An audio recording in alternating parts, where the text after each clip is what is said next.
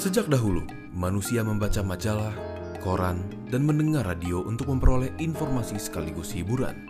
Pada tahun 1930, sebuah bentuk hiburan mulai muncul, yaitu komik. Komik dibuat untuk menghibur dan memberikan tawa bagi pembacanya dan sangat populer di Amerika Serikat pada Perang Dunia II. Namun, ada komik yang justru dibuat untuk mengkritik, yaitu Mad Comic. Komik yang akan berubah menjadi majalah ini telah menjadi pencetak sejarah sebagai media yang kritis terhadap pemerintahan dan masalah-masalah sosial jauh sebelum media-media besar seperti Times Magazine atau New York Times.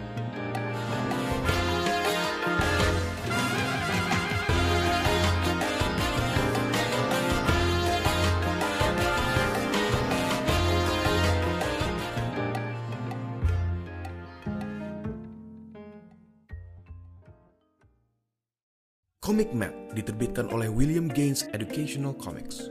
Isu pertama yang diterbitkan berjudul Tales Calculated to Drive You Mad, Humor in a Jugular Vein. Harvey Kurtzman, penulis dari komik Mad ini, telah menjadi penulis dan editor konten sampai tahun 1956 ketika dia beralih pekerjaan ke majalah Playboy. Kurtzman kemudian digantikan oleh Al Feldstein. Mengurus perusahaan komik pada tahun 50-an memang tidak mudah.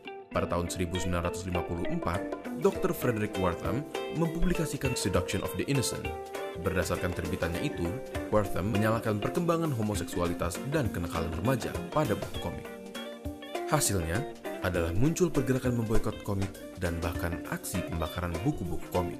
Pada akhirnya, Senat Amerika menciptakan Comic Code Authority atau CCA. Layaknya KPI zaman dulu, CCA bertugas untuk menyortir dan memperhatikan konten-konten komik yang akan disebarkan untuk memastikan bahwa komik tersebut mendidik dan memiliki moral yang baik. Hanya komik yang memiliki stempel dari CCA saja yang layak untuk dipasarkan. Hal ini tidak membuat komik Mad jera. Malahan, Mad Comic diubah menjadi Mad Magazine untuk menghindari aturan komik. Beberapa tahun kemudian, Matt membalas dendam pada Wortham dengan menulis artikel sindiran bahwa kenakalan remaja disebabkan oleh permainan baseball. Mad Magazine adalah pionir media pengkritik terutama ketika Perang Dingin, mulai dari politisi, kebijakan publik, ketakutan berlebihan pada komunisme, hingga gaya hidup, semuanya pernah dikritisi oleh majalah ini. Matt pernah mengkritik politisi Amerika seperti McCarthy yang cenderung menekan kebebasan berpendapat, perang Vietnam sampai perang gender. Salah satu hal yang membedakan Matt Magazine dengan media lainnya adalah kurangnya pemasangan iklan dalam majalah ini. Padahal iklan dapat menjadi sumber pemasukan bagi media apa pun. Namun, Matt menolak memasang iklan yang terlalu banyak agar bisa menjaga independensinya dari campur tangan perusahaan apa pun. Dengan ini, dia dapat terus mengkritik dengan leluasa. Meskipun Matt pernah mengalami penurunan signifikan di tahun 2017, majalah tersebut terus menerbitkan konten-konten yang mengkritik.